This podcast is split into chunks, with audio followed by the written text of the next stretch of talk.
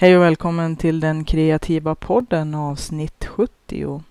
Idag tänkte jag prata om någonting som jag brottas med varje dag och det är att hitta balansen mellan längre planer och kortare planer och eh, saker som händer däremellan, det vill säga livet och verkligheten som hela tiden naturligtvis pågår att mitt i livet ändå kunna arbeta mot de långsiktiga kreativa skapande mål som man har. Och det är ju lättare sagt än gjort eftersom att, som jag tror att de allra flesta upplever det, så är det ju hela tiden saker som tränger sig på. Och jag tror inte att man ska försöka slåss emot det mer än nödvändigt. Utom att man för sig själv ska skapa det utrymme som man behöver ha. Att det inte är prokrastinering utan att man hela tiden hittar nya tekniker och nya strategier och ibland kanske till och med taktiker för att handskas med det som livet ibland slänger i våran väg, vare sig vi vill det eller inte. Men det är ändå inte en ursäkt att inte arbeta långsiktigt för sina mål eller att gömma sig bakom. Det är lätt att gömma sig bakom att man inte hinner, att man är så stressad och att en massa saker, saker händer som man inte kan kontrollera. Men så är livet och livet fungerar på det sättet och det är bara att deala med det och hitta ett sätt att få det att funka i alla fall. Så bra man kan. Och eh, jag slogs av tanken idag som så många andra gånger före att hur i hela världen ska jag få ihop jag kallar det för en tioårsplan, men det kanske är lite väl pretto att kalla det för tioårsplan. Men det är i alla fall en ganska långsiktig plan när det gäller mina böcker och den bokserie som jag jobbar med parallellt och i bakgrunden med alla andra saker som jag gör. Och då tänker jag ibland när jag blir lite missmodig att det här kommer ju aldrig att bli klart. Hon får aldrig sin klänning klar. Och det är både sant och inte sant. Det som är sant är att jag jobbar hela tiden kontinuerligt i bakgrunden. Att jag hela tiden i Scrivener-filen där jag har alla mina böcker samlade och pågående projekt så kastar jag titt som tätt ner nya uppslag, idéer och dialoger och tankar och händelseutvecklingar och saker som har poppat upp och som jag vill sy in i min berättelse. Men ramstoryn är väldigt stor och det handlar om böcker i en serie som jag planerar ska bli ganska lång.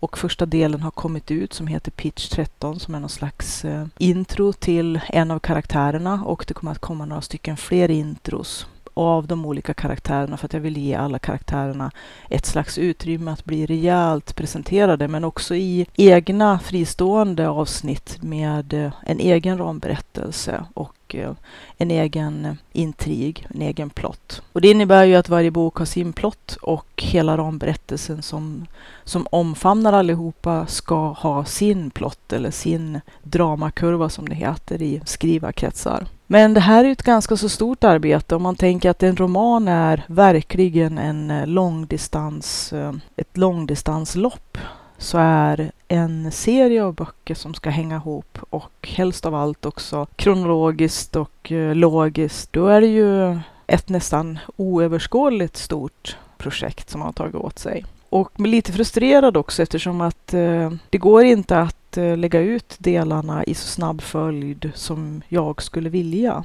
Det kan ju också ha att göra med det psykologiska i att känna att man kommer någonstans. Att visserligen skriver jag otroligt mycket och det är ju otroligt hur det här dokumentet som jag fyller med anteckningar och så sen delar upp på mindre delanteckningar, eller vad man ska kalla det, i Scrivener som har ett utmärkt uh, gränssnitt för att kunna hantera många parallella dokument och ha dem under samma tak så att säga så man kan ha en väldigt fin ordnad struktur, så är det ändå så att eh, trots att eh, väven växer och att jag verkligen aktivt arbetar stenhårt med den, så att jag kan inte skylla på att det är ett projekt som ska bli av någon gång sen när jag bla bla bla, utan det här är någonting som jag jobbar med precis hela tiden. Men det är kanske också därför som det blir ännu mer frustrerande att inte känna att någonting kommer ur händerna.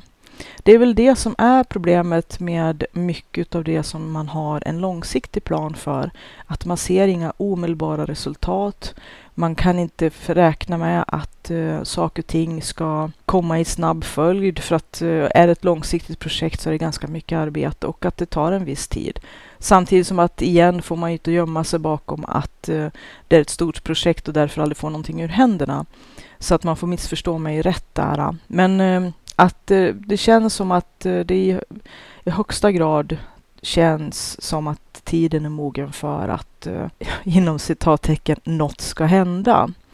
Och den andra delen är i stora delar ganska så klar. Det är bara ett problem och det är ju att efterarbete innan man kan publicera är nästan tre eller fyra eller fem gånger mycket mera än själva processen att få ihop storyn. Både skrämmande nog och eh, frustrerande nog. Jag är mer en utvecklare och eh, inte lika mycket förvaltare. Jag tycker om att göra nya saker och eh, gärna göra nya saker färdiga också så att jag är inte en sån som bara hoppar på allting och sen inte fullföljer.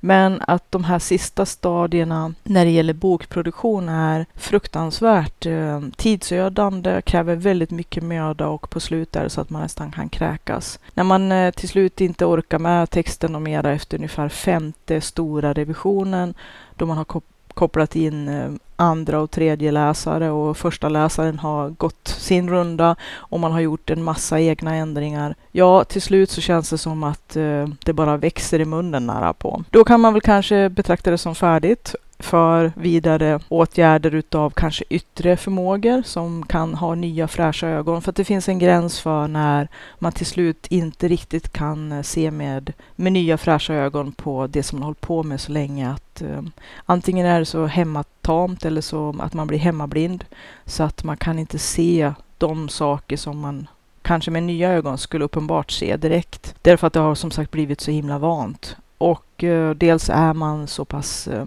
utmattad, eller vad man ska säga, avtrubbad kanske ett bättre ord. Man är helt avtrubbad och inte längre kan riktigt ta sig an det hela ännu en vända, utan då måste man låta det gå vidare. Och det är vackert så, men vägen på slutet är tung. Och det är där som jag lite grann känner att eh, jag måste ta det här nu, sista rycket för att kunna lägga ytterligare en sten på det här, en ny tegelsten i det här stora bygget som jag försöker åstadkomma. Men att eh, en tioårsplan, som sagt, kanske, det kanske både är en underdrift och en, en överdrift.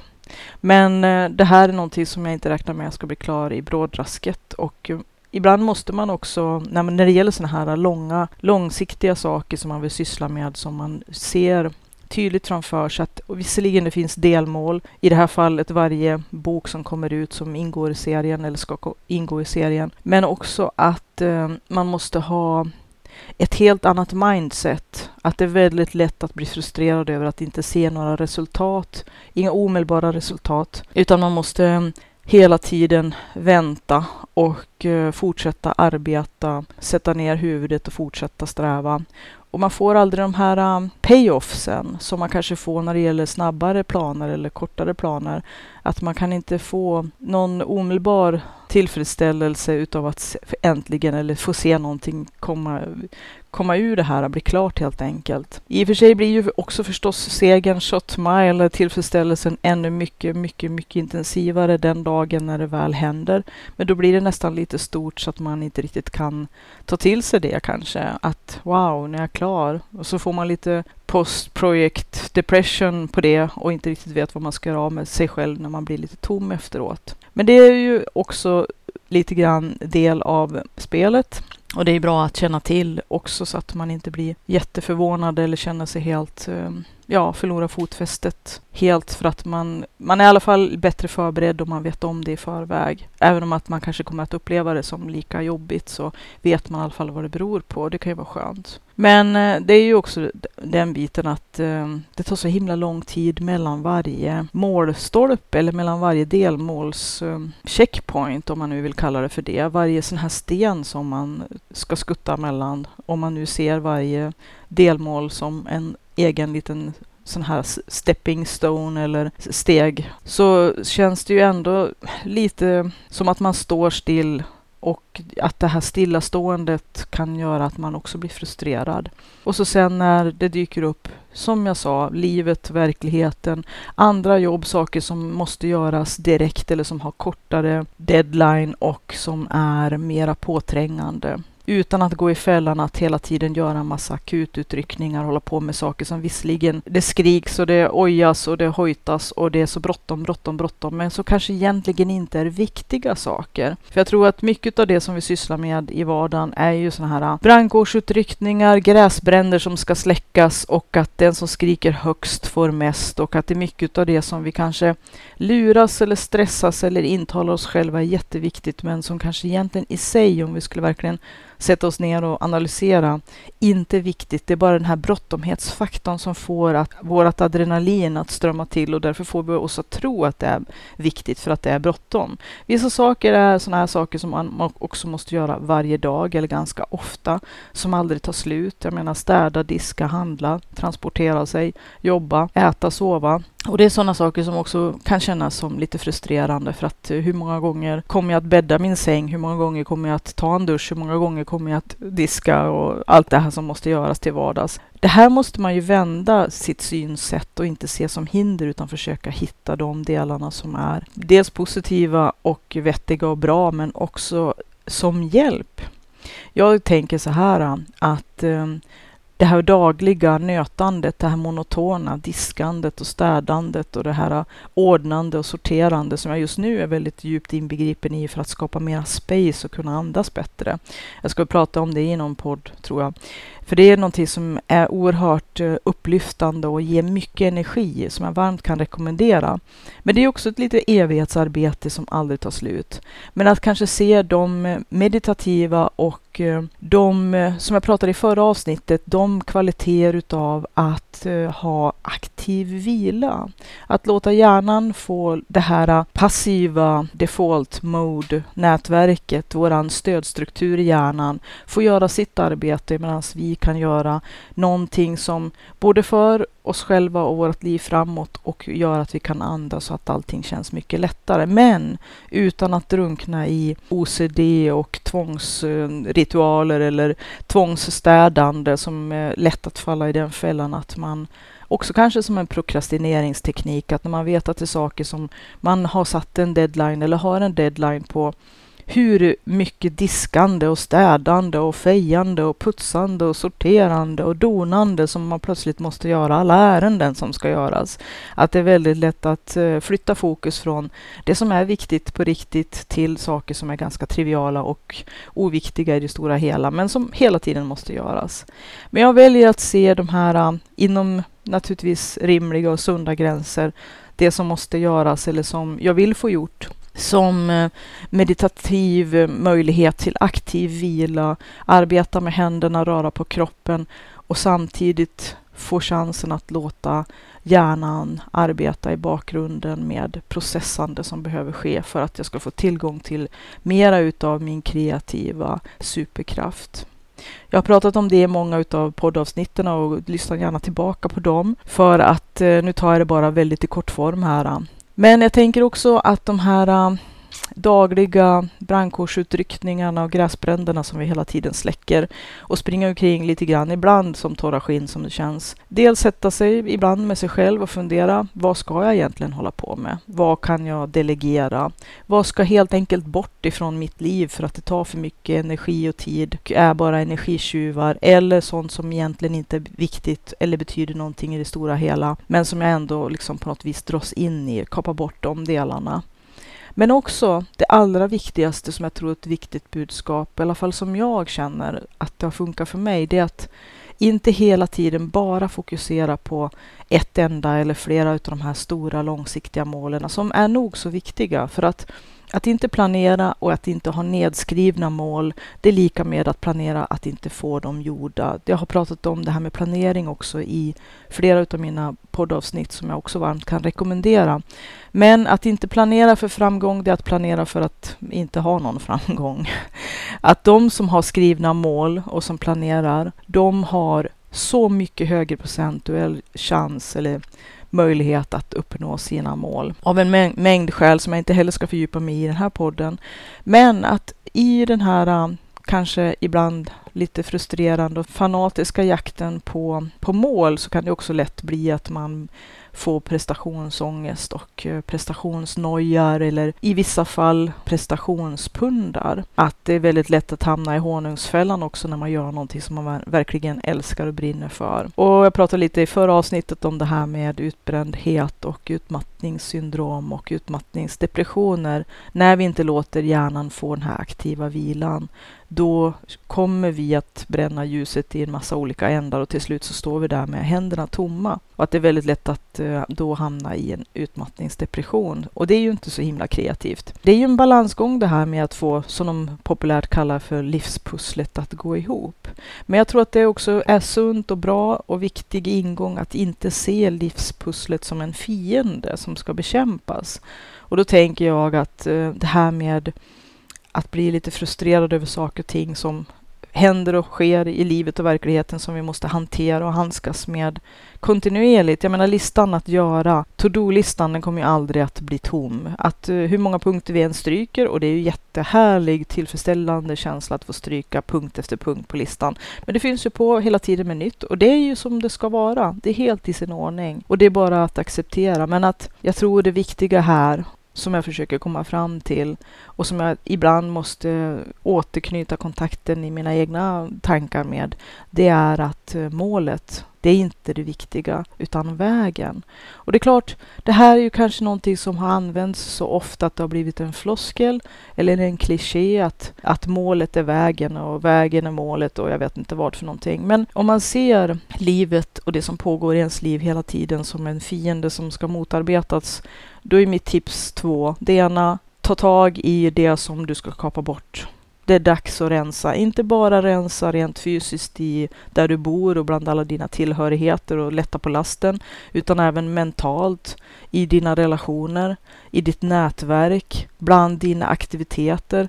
Vilka saker som, ja det kan vara helt okej okay grejer eller viktiga saker eller sånt som du trivs med och sådär. Men för att välja måste man ibland välja bort. Jag menar inte att man ska göra ett kalhygge av hela alltihopa för att få space, det är inte det jag menar. Utan jag menar mera att eh, man kanske måste skapa andrum och man måste skapa möjligheter att få det jag pratade om i förra avsnittet, det här med space. Både mentalt och känslomässigt och relationsmässigt och praktiskt livsmässigt space för att kunna få en så himla välfungerande människa som man nu möjligtvis kan bli och eh, de bästa möjliga förutsättningar som just jag kan få och ha om jag själv gör min del av jobbet. Att vi måste ju, som jag pratade om i förra avsnittet, göra vårt jobb för att hjälpa våran hjärna, men vi måste också göra vårt jobb för att hjälpa oss själva.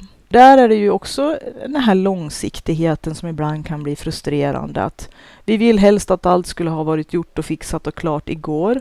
Men eftersom att det är ingen annan än vi själva som måste göra allt det där så har det en tendens att kanske kunna komma lite vid sidan om, att det hamnar efter vägen och så blir det kvar där. Att ibland kanske man, just nu är jag inne i en intensiv period utav, jag kanske inte vill kalla det för idiotutrensningar, men att det är mycket nu som eh, fasas ut och det kan ju också bero på att man har olika faser i livet som både man går in i och går ut ur.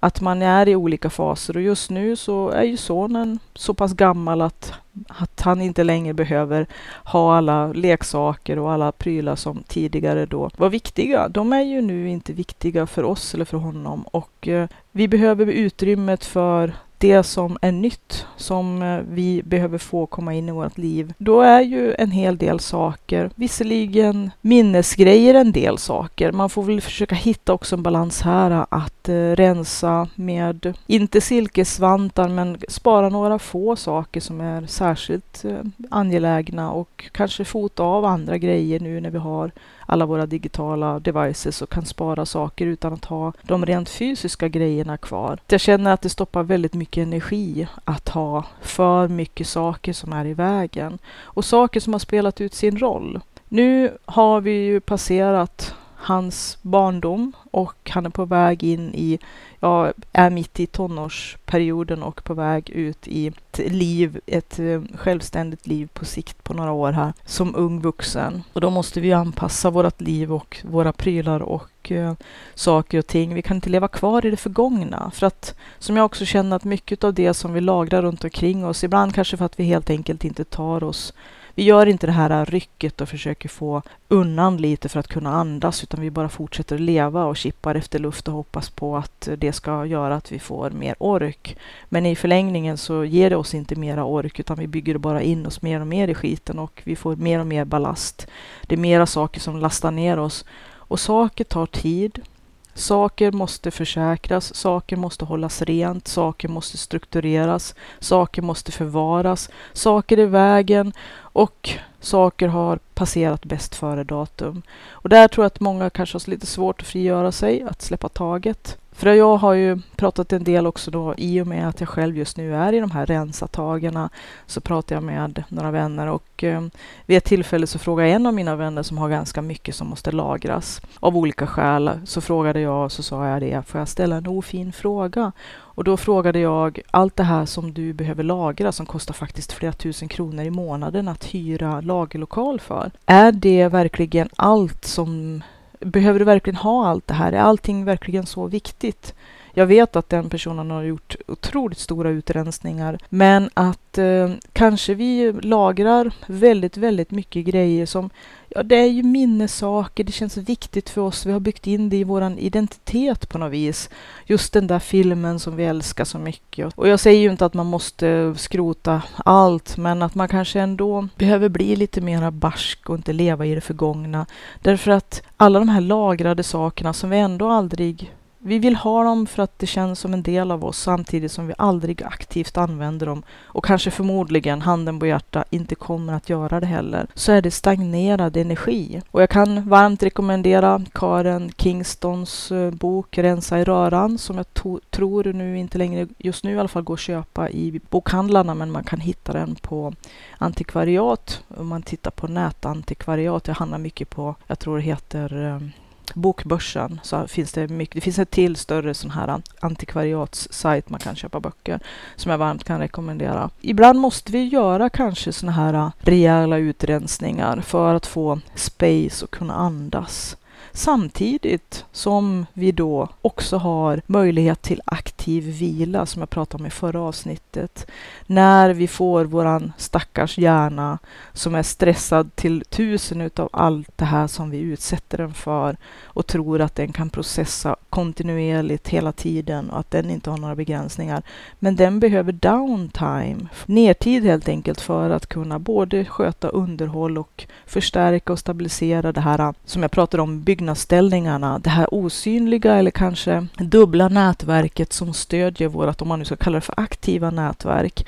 Vi tar bara hänsyn till eller tänker på eller tror att vår hjärna är det här aktiva nätverket, men det här passiva nätverket behöver sin del. Och den är väldigt lätt att vi glömmer bort för att vi för det första inte ens vet om att den finns, men för det andra också att våra liv och det som vi utsätter oss själva och hjärnan för inte är så himla smart eftersom att det smular sönder mycket av det här där våran kreativa kraft bor möjligheten till aktiv vila. Det betyder inte att man bara ligger platt still på sängen eller stirrar i en vägg, utan det betyder att man gör saker där hjärnan kan gå lite grann i autopilotläge kanske. Att vi kanske tror att den inte arbetar, men det är det som är själva grejen. Den jobbar stenhårt med att processa under tiden när vi gör den här aktiva vilan som är så himla viktig. Så att på det viset vill jag se den här möjligheten att både skapa space i sitt liv, rent energimässigt, spacemässigt, fysiskt, materiellt, känslomässigt, relationsmässigt, you name it. Medan vi gör det här utrensningsarbetet utan att då som sagt fastna i det så att det blir någon slags prokrastineringsteknik eller någon OCD-grej, så får våran hjärna möjlighet till den här aktiva vilan och vi tänker så mycket bättre när vi håller på med någonting annat. Och det har jag ju också pratat om i en rad olika utav mina poddar här och där. Just det här att när vi går iväg för att ta en kopp kaffe, för att vi bryter ett läge där vi känner att vi har kört fast. När vi står i duschen, tar en promenad, är ute med hunden, tittar på folk på ett café. Det är då som vi bara hevreka, precis som Archimedes i badkaret. Och det här är ingenting konstigt, för det är fullkomligt biologiskt, logiskt, neurologiskt, logiskt. nu fick jag till det bra.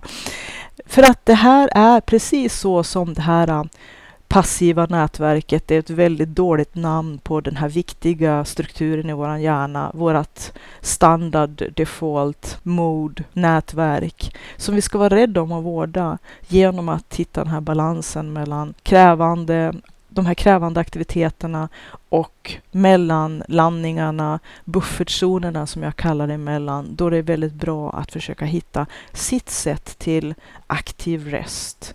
Och det kan ju vara också motion, det kan vara yoga, det kan vara meditation, det kan vara att sitta med sin favorit frimärkssamling, det kan vara mycket hantverk, det kan vara de här äh, triviala sakerna i vardagen som jag också sagt.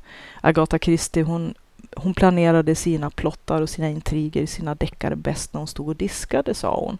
Hon var ju en väldigt eh, stressad eh, mamma, för hon hade ju ganska mycket hushållsbestyr och hade flera barn. Så att eh, det var hennes utrymme naturligtvis för att kunna göra det här arbetet, men också tror jag, utan att hon kanske egentligen tänkte på det eller visste det, så fungerade ju hennes hjärna precis som alla andras hjärnor och som nu har blivit mer uppmärksammat på senare tid, att den här strukturen som vi annars inte räknar med, den är verkligen att räkna med. Och nu faktiskt så ser jag en grävling som går utanför mitt arbetsfönster.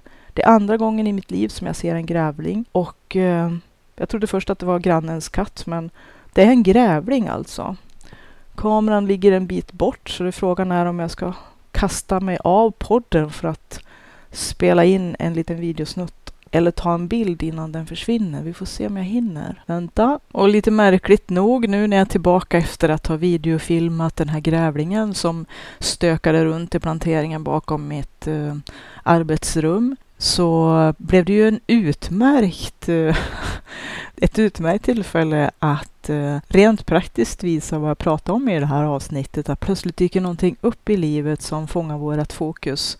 Och då är ju frågan, alla gånger kanske vi inte ska agera och en del gånger så ska vi det. Det är det som är det svåra, att uh, veta när det är värt att låta ens fokus brytas och att uh, det är lätt att hamna i en uh, wild goose chase eller kanske följa the white rabbit down the hole och på något vis hamna på irrvägar. Kanske de här irrvägarna ibland är väldigt, väldigt kreativa. Som idag tyckte jag att det var värt åtta minuter utav inspelningstid som gick bort.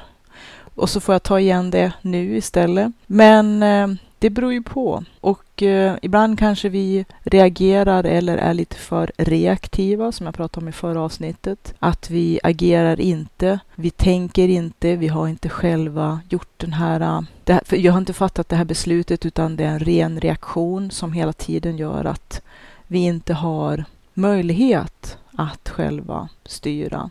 Och det är ju en sak som det här med att vårda sitt default mode-nätverk kan hjälpa oss med. Genom att ha gett det bra tillfälle att få arbeta i bakgrunden kontinuerligt genom våra dagar och våra liv så får vi en mycket bättre möjlighet till konsekvenstänk och alltså kan agera istället för att reagera istället för att vara reaktiva. Och då tror jag också att våran framförhållning, våran planeringsmöjlighet, våran möjlighet att interagera med våran miljö, oavsett om den är fysisk eller materiell eller personell eller relationell, nu vart det många konstiga ord här, i kontakter med människor så blir vår sociala förmåga också mycket bättre. Och det tror jag också ger oss bättre förutsättningar att kunna göra de här bedömningarna i våran operativa verklighet, när det ofta går väldigt fort. Och det är ju då när det går fortare och fortare och fortare och hjulet snurrar, snurrar, snurrar som hamsten riskerar att kunna kastas ut. Jag pratade om förra gången det här med att hjulet snurrar men hamsten är inte kvar. Och det är det som händer när vi inte har arbetat med våran hjärna utan istället arbetat emot den eller inte vetat om att sköta våran hjärna vår hjärnas hälsa. Att undvika och förebygga hjärnstress. Den som vi kan rå på. kan göra mycket mer, som jag pratade om i förra avsnittet, än vi kanske vet om eller som vi kanske faktiskt rent praktiskt gör, men vi kanske behöver tänka om där. För att sluta hamna allt för ofta i det här reaktiva reaktionssättet. Att sluta att göra ständiga brandkårsutryckningar och gräsbränder som måste släckas och lite mera kunna använda vårt konsekvenstänk eftersom att det då blir tillgängligt för oss. Det här med att agera på impuls som jag gjorde nu. Jag såg en grävling. Det är kanske inte det mest sexiga djuret att fota och filma, men jag har sällan sett dem levande. Man ser dem mestadels döda efter vägen. Och att köra på en grävling är skittråkigt, för det är som att köra på en sten. Och inte heller så kul att få dem under husgrunden och sådär. Men det är ju väldigt, väldigt sällan jag har sett en levande grävling, som sagt bara en enda gång förut, när jag satt i skogen tillsammans med en vän och vi satt stilla väldigt länge. Och en grävling bara passerade revy sådär. Nu var det kul att få se en grävling i sitt, vad ska man kalla det för, aktiva liv. Den skuttade runt och jagade någonting och grävde och eh, höll på här i växtligheten och tuggade på saker. Så att jag vet inte riktigt om det var, jag vet att de äter mask, men att det måste ha varit några andra insekter som den eh, fångade åt. Och jag fick nästan intryck att den liksom katter åt utav växtligheten också. Jag vet för lite om grävlingar helt enkelt. Den kanske gör det stadigvarande, det kanske är en del i kosten. De kanske också äter grönsaker. Men, eller så kanske det är som katter ibland och hundar gör, äter växtlighet för att sköta magen. Vad vet jag? Det var i alla fall kul att se den plöja runt här i den höga växtligheten bakom fönstret och skutta och göra alla möjliga konster. Så att jag fångade det mesta på video och eh, ropade efter sonen så han också fick se en grävling. Ja, var det värt åtta minuter? Det var det, absolut. Kändes det kul och kreativt? Ja, det gjorde det. Var det någonting som jag kan berätta för min man när han kommer hem? Ja, det var det. Så att det kanske är en liten banal, trivial sak, men jag hade tiden och utrymmet och jag kunde återuppta inspelningen av podden. Ingen skada skedd. Men ibland kanske vi hittar på för mycket eller kanske har för svag impulsstyrning eller kanske för lätt agera på impulser. Kanske för att vi vill prokrastinera eller kanske för att vi inte har skött, om man nu ska kalla det för hjärnhälsa, som jag pratade om i förra avsnittet, så att vår hjärna helt enkelt är så uppskruvad och så himmelens benägen till reaktivt reflex. Ja, vad ska man kalla det? Den här reaktiva, det här reaktiva sättet att agera, att vi inte har eftertänksamheten som faktiskt den här aktiva vilan, det här med att dagdrömma, fantisera, ha tid för introspektion och göra saker som jag tror är faktiskt oerhört viktigt för oss med händerna och få se saker bli klara. Det är lite grann det som binder ihop den här podden lite grann och som i det här äh, långsiktiga tänket, där vi också verkligen behöver våra kognitiva förmågor som förstärks om vi försöker låta det här, äh, det här äh, standardnätverket, det här default mode-nätverket i hjärnan arbeta och att vi sköter oss och arbetar med hjärnan som sagt i våra dagliga aktiviteter och i brist på, eller brist är fel ord, men att se till att sträva efter att inte ha ett totalt fullsmackat schema med nonstop aktiviteter som kräver väldigt mycket utav det här aktiva nätverket, så det passiva nätverket aldrig får gå in och göra sitt jobb, sin del av jobbet. Att vi är lite sönderkörda och att vi inte direkt hjälper till genom att bli ännu mer sönderkörda. Det här är ju alltid som vanligt en ond cirkel som det är lite tråkigt, men genom att inte låta det här passiva nätverket göra sin del av jobbet, ja då blir vi mer reaktiva. Vi agerar mycket mer på impuls, låter oss hela tiden tappa fokus, far omkring och har väldigt svårt att eh, ha tillgång till både våra kreativa krafter men också vår kognitiva förmåga flyger ut genom fönstret. Ju mer vi håller på att stressa vår hjärna genom den här eh, totalt icke hälsosamma, packade dagen med nonstop aktiviteter som aldrig, aldrig slutar. Vi måste sluta med det helt enkelt. Så att eh, ibland kanske ett sånt här infall, att följa sin impuls när det är hjärtat som talar, att vi kanske ska haka på någonting som kan tillföra. Jag ser det här lite grann som en miniatyrkonstnärsdejt. Eh, Få se och filma den här eh, grävlingen en kort stund var någonting som eh, lyfte mig och det kanske är som sagt en banal sak, men alla små nöjen är värda någonting och att hitta tillbaka till sin vardagslycka kan innebära att man måste se det stora i det lilla också. Det är där som mycket av våran, tror jag, dolda möjlighet till mera lycka och glädje finns. Också i, sam, i samklang med och hand i hand med tacksamhet. Också en väldigt vanligt förbisedd sak som jag tycker att vi ska kanske gå in hårdare för och tänka mera på. Och det här med att se glädjen i och ha tacksamhet för de små sakerna. Det låter väldigt, väldigt eh, banalt, men det är det inte.